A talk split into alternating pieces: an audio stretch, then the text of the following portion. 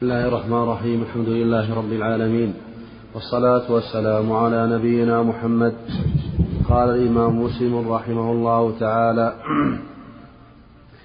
حدثنا محمد بن عبد الله بن نمير قال حدثنا أبو خالد يعني سليمان يعني سليمان بن حباح بن حيان عن داود بن أبي هند عن النعمان بن سالم عن عمرو بن أوس قال حدثني عن بسة بن أبي سفيان في مرضه الذي مات فيه.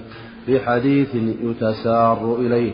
قال سمعت أم حبيبة رضي الله عنها تقول سمعت رسول الله صلى الله عليه وسلم يقول من صلى اثنتي عشرة ركعة في يوم وليلة بني له بهن بيت في الجنة قالت أم حبيبة فما تركتهن منذ سمعتهن من رسول الله صلى الله عليه وسلم وقال عنبسة فما تركتهن منذ سمعتهن من أم حبيبة وقال عمرو بن أوس ما تركتهن منذ سمعتهن من عنبسة. وقال النعمان بن سالم ما تركتهن منذ سمعتهن من عمرو بن أوس.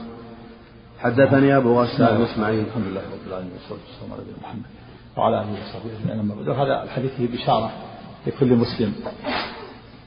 في فضل الله رحمك الله في فضل الله ورحمته. لما صلى حديث محمد ما صلى.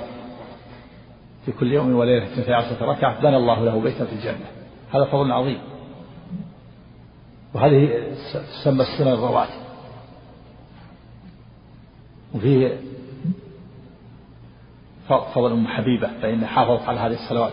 لما سمعتها سمعتهن من النبي صلى الله عليه وسلم. وكذلك الرواة عن عنبسة وسالم وأوس كلهم حافظوا على هذه الصلوات.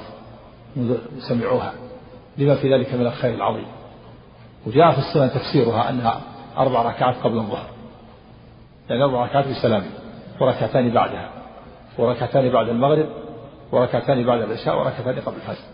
هذه اثنتا عشرة ركعة يسن للمسلم أن يحافظ عليها.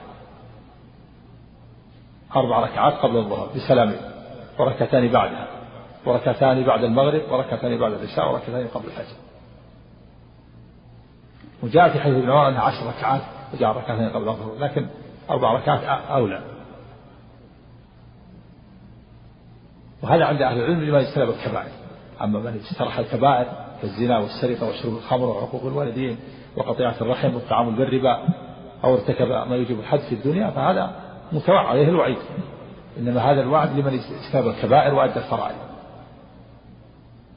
يسن المسلم أن يقضيها إذا فاتت. ركعة الظهر أربع ركعات قبل إذا فاتت تقضيها قبل الصلاة إلى دخول وقت العصر. وركعة المغرب إذا فاتت تقضيها تقضيها إلى دخول وقت العشاء. مغيب الشفق وركعة الفجر وركعة العشاء تقضيها إلى نصف الليل هذا الوقت باقي أما ركعة الفجر فيجوز لك أن تقضيها بعد الصلاة مباشرة أو بعد طلوع الشمس جاء ما يدل على هذا وهذا. نعم. نعم. نعم. كل هذا نعم. إلى قبل الزوال نعم. حدثني أبو غسان المسمعي قال حدثنا بشر بن مفضل قال حدثنا داود قال حدثنا داود عن النعمان بن سالم بهذا الإسناد من صلى في يوم ثنتي عشرة سجدة تطوعا بني له بني له بيت في الجنة. السجدة هي الركعة. اسمها الركعة سجدة لأن أهم أركان الركعة هي السجدة نعم. وحدثنا محمد بن بشار قال حدثنا محمد بن جعفر قال حدثنا شعبة عن النعمان بن سالم عن عمرو بن أوس عن عنبسة بن أبي سفيان عن أم حبيبة رضي الله عنها زوج النبي صلى الله عليه وسلم أنها قالت سمعت رسول الله صلى الله عليه وسلم يقول ما من عبد مسلم يصلي لله كل يوم ثنتي عشرة ركعة تطوعا غير فريضة إلا بنى الله له بيتا في الجنة أو إلا بني له بيت في الجنة. قالت أم حبيبة فما برحت أصليهن بعد؟ وقال عمرو ما برحت أصليهن بعد؟ وقال النعمان مثل ذلك. حدثني عبد الرحمن. ما برحت يعني ما, ما زلت. يعني ما زلت مستمرا على صلاتها على هذه. نعم. نعم. محافظة عليها بني له بيت في الجنة. نعم. حدثني عبد الرحمن بن بشر وعبد الله بن وعبد الله بن هشام العبدي وعبد الله بن هاشم العبدي. قال حدثنا بهز قال حدثنا شعبة قال حدثنا قال النعمان بن سالم أخبرني قال سمعت عمرو بن أوس يحدث عن عنبسة عن أم حبيبة رضي الله عنها قالت قال رسول الله صلى الله عليه وسلم ما من عبد مسلم توضأ فأسبغ الوضوء. ثم صلى لله كل يوم فذكر بمثله. وحدثني زهير بن حرب وعبيد الله بن سعيد قال حدثنا يحيى وهو ابن سعيد عن عبيد الله قال أخبرني نافع عن ابن عمر. حاء وحدثنا أبو بكر بن أبي شيبة قال حدثنا أبو سامة قال حدثنا عبيد الله عن نافع عن, ابن عمر رضي الله عنهما قال صليت مع رسول الله صلى الله عليه وسلم قبل الظهر سجدتين وبعدها سجدتين. وبعد المغرب سجدتين وبعد العشاء سجدتين. والمراد بالسجدتين الركعتين السجدة الركعتين ركعتين نعم. وبعد الجمعة سجدتين فأما المغرب والعشاء والجمعة فصليت مع النبي صلى الله عليه وسلم في بيته. هذا حديث ابن عمر فيه أنها عشر ركعات.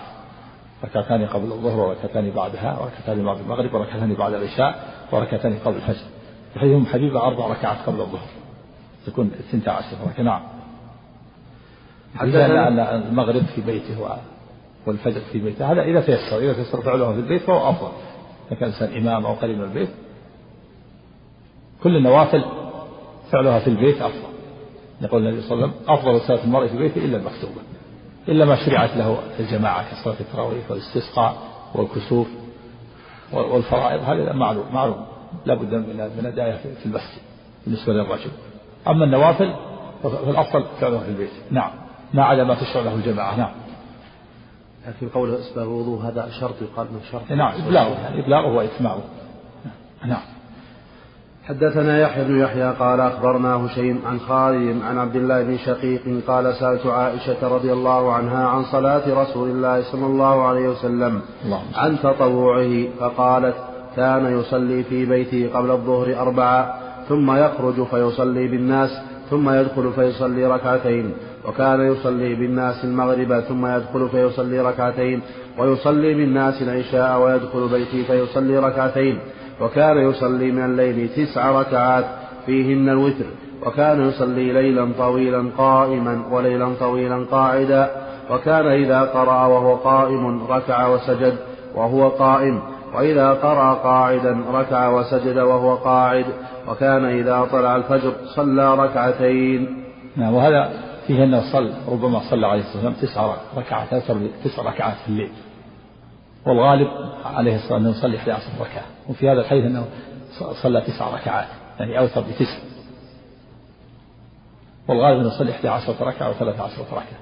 وفيه أن صلاة الليل عليه الصلاة والسلام متنوعة تارة يصلي ليلا طويلا قائما وليلا طويلا قاعدا. وتارة يصلي قائما فيركع وهو قائم. وتارة يصلي قاعدا فيركع ويسجد وهو قاعد. وهناك حالة ثالثة كما سيأتي أنه كان يصلي قائما قاعدا لما تقل إلى وتعب فإذا بقي عليه مقدار ثلاثين آية قام. فقرأهن ثم ركع نعم. هذا يدل على أن الصلاة عليه الصلاة والسلام طويلة. إذا بقي ثلاثين آية قام فقرأها ثم ركع يعني وقرأ قبل ذلك شيئا كثيرا. نعم. هذا أفضل. إذا إذا تيسر أفضل صلاة القاعد على مسجد القائم كما سيأتي إلا إذا كان مريض أو عاجز. نعم. نعم. إنها لا بأس يجوز. يجلس لا حرج كما كان النبي يفعل هذا. نعم حدثنا قتيبة بن سعيد قال هذا في صلاة النافلة أما الفرائض لا بد من القيام معلوم نعم إلا عند العجز. نعم. حدثنا قتيبة بن سعيد قال حدثنا حماد عن بديل وأيوب عن عبد الله بن شقيق عن عائشة رضي الله عنها قالت كان رسول الله صلى الله عليه وسلم يصلي ليلا طويلا فإذا صلى قائما ركع قائما, قائما وإذا صلى قاعدا ركع قاعدا. حدثنا محمد مثنى قال حدثنا محمد بن جعفر قال حدثنا شعبة عن بدين عن عبد الله بن شقيق قال كنت شاكيا بفارس فكنت أصلي قاعدا. فسألت عن ذلك عائشة رضي الله عنها فقالت كان رسول الله صلى الله عليه وسلم يصلي ليلا طويلا قائما فذكر الحديث. وحدثنا أبو بكر بن أبي شيبة قال حدثنا معاذ بن معاذ عن حميد عن عبد الله بن شقيق العقيلي. قال سألت عائشة رضي الله عنها عن صلاة رسول الله صلى الله عليه وسلم بالليل فقالت كان يصلي ليلا طويلا قائما وليلا طويلا قاعدا. وكان إذا قرأ قاعدا وكان إذا قرأ قائما ركع قائما وإذا قرأ قاعدا ركع قاعدا. نعم هذا حالاته عليه الصلاة كان يصلي ليلا طويلا قائما وليلا طويلا قاعدا. وإذا صلى قائما ركع قائما وإذا صلى قاعدا ركع قاعدا. نعم. نعم. ثبت بعد صلاة الظهر يصلي أربع؟ بعد إيش؟ بعد صلاة الظهر. الوتر؟ الظهر نعم نعم جاء. صلاة الظهر قال قال من صلى أربعا قبل الظهر أربعا بعد حرمه الله على النار. جاء الحث عليه لكن السنة الراتبة ركعتان والثانية زيادة. نعم. وحدثنا يحيى بن يحيى قال أخبرنا أبو معاوية عن هشام بن حسان عن محمد بن سيرين عن عبد الله بن شقيق العقيلي قال سألنا عائشة رضي الله عنها عن صلاة رسول الله صلى الله عليه وسلم. فقالت كان رسول الله صلى الله عليه وسلم يكثر الصلاة قائما وقاعدا فإذا افتتح الصلاة قائما ركع قائما وإذا افتتح الصلاة قاعدا ركع قاعدا. نعم هذا هو الأفضل. وإن عجز وتعب جلس لا بأس. لكن الأفضل أنه إذا افتتح الصلاة قائما أكملها قائما. وإذا افتتح قائدا ركع قائدا ويجوز أن يجلس إذا تعب. نعم. وحدثني أبو الربيع الزهراني قال أخبرنا حماد يعني ابن زيد. حاء قال وحدثنا حسن بن الربيع قال حدثنا مهدي بن ميمون. حاء وحدثنا أبو بكر بن أبي شيبة قال حدثنا وكيع. حاء وحدثنا أبو كريب قال حدثنا ابن نمير جميعا عن هشام بن عروة. حاء وحدثني زهير بن حرب واللفظ له قال حدثنا يحيى بن سعيد عن هشام بن عروة قال أخبرني أبي عن عائشة رضي الله عنها قالت ما رأيت رسول الله صلى الله عليه وسلم يقرأ في شيء من صلاة الليل جالسا حتى إذا كبر قرأ جالسا حتى إذا كبر. يعني إذا كبر سنه نعم. حتى إذا كبر قرأ جالسا حتى إذا بقي عليه من السورة ثلاثون أو أربعون آية قام فقرأهن ثم ركع. هذه حالة ثالثة. كان يصلي قائما هذه حالة. يصلي قاعدا هذه حالة. الحالة الثالثة يصلي قاعدا هذا في صلاة الليل. فإذا بقي عليه مقدار ثلاثين آية قام فقرأهن ثم ركع. هذا يدل على أنه قرأ قبل ذلك شيئا كثيرا عليه الصلاة والسلام. نعم. وحدثنا يحيى بن يحيى قال قرأت على مالك عن عبد الله بن يزيد وابن عن عبد الله بن يزيد وأبي النضر عن أبي سلمة بن عبد الرحمن عن عائشة رضي الله عنها أن رسول الله صلى الله عليه وسلم كان يصلي جالسا فيقرأ وهو جالس فإذا بقي من قراءته قدر ما يكون ثلاثين أو أربعين آية قام فقرأ وهو قائم ثم ركع ثم سجد. ثم يفعل ذلك ثم يفعل في الركعة الثانية مثل ذلك. حدثنا أبو بكر بن أبي شيبة وإسحاق بن إبراهيم قال أبو بكر حدثنا إسماعيل بن علية عن الوليد بن أبي هشام عن أبي بكر بن محمد عن عمرة عن عائشة رضي الله عنها قالت كان رسول الله صلى الله عليه وسلم يقرأ وهو قاعد فإذا أراد أن يركع قام قدر ما يقرأ إنسان أربعين آية.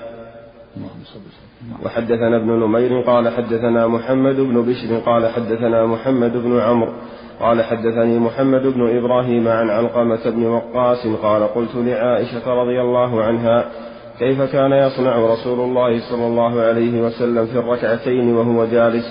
قالت كان يقرأ فيهما فإذا أراد أن يركع قام فركع.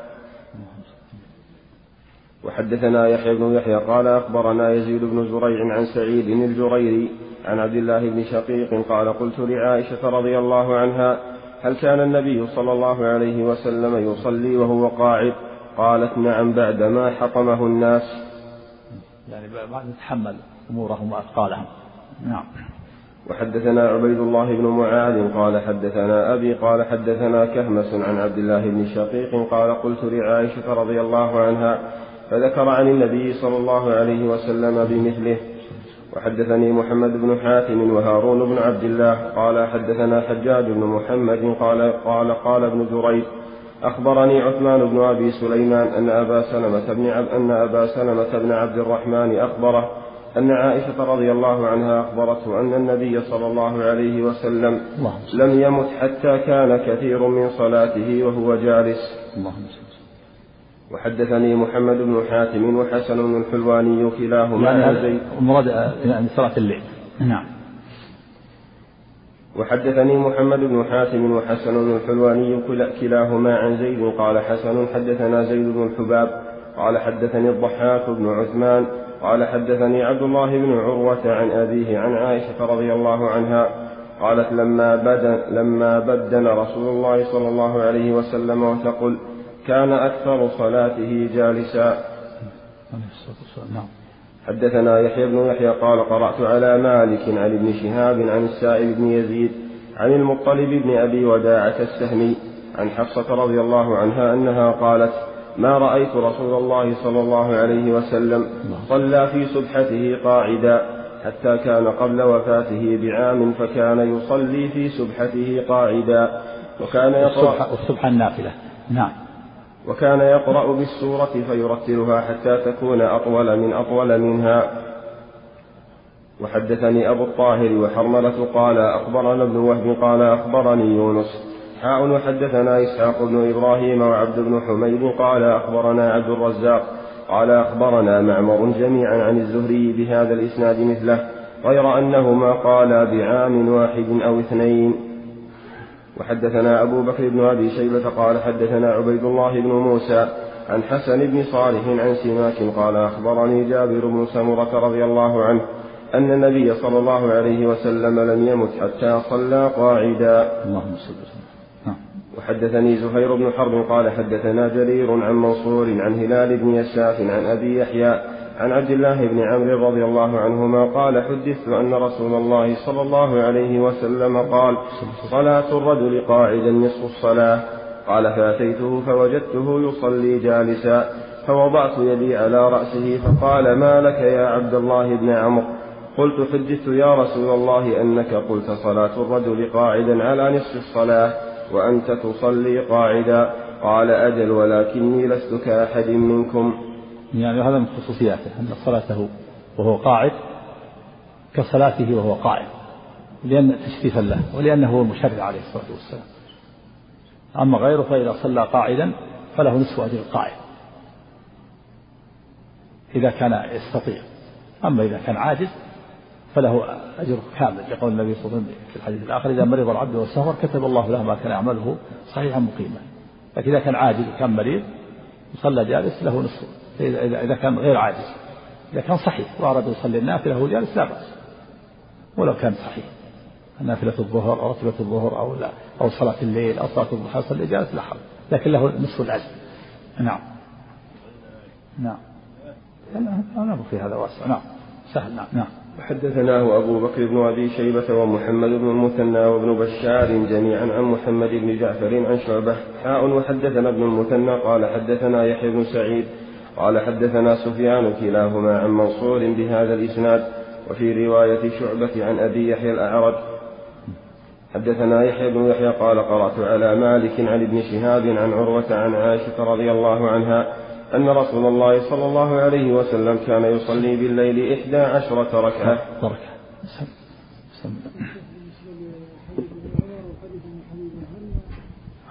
حصل ستة عشرة ركعة. سم. سم.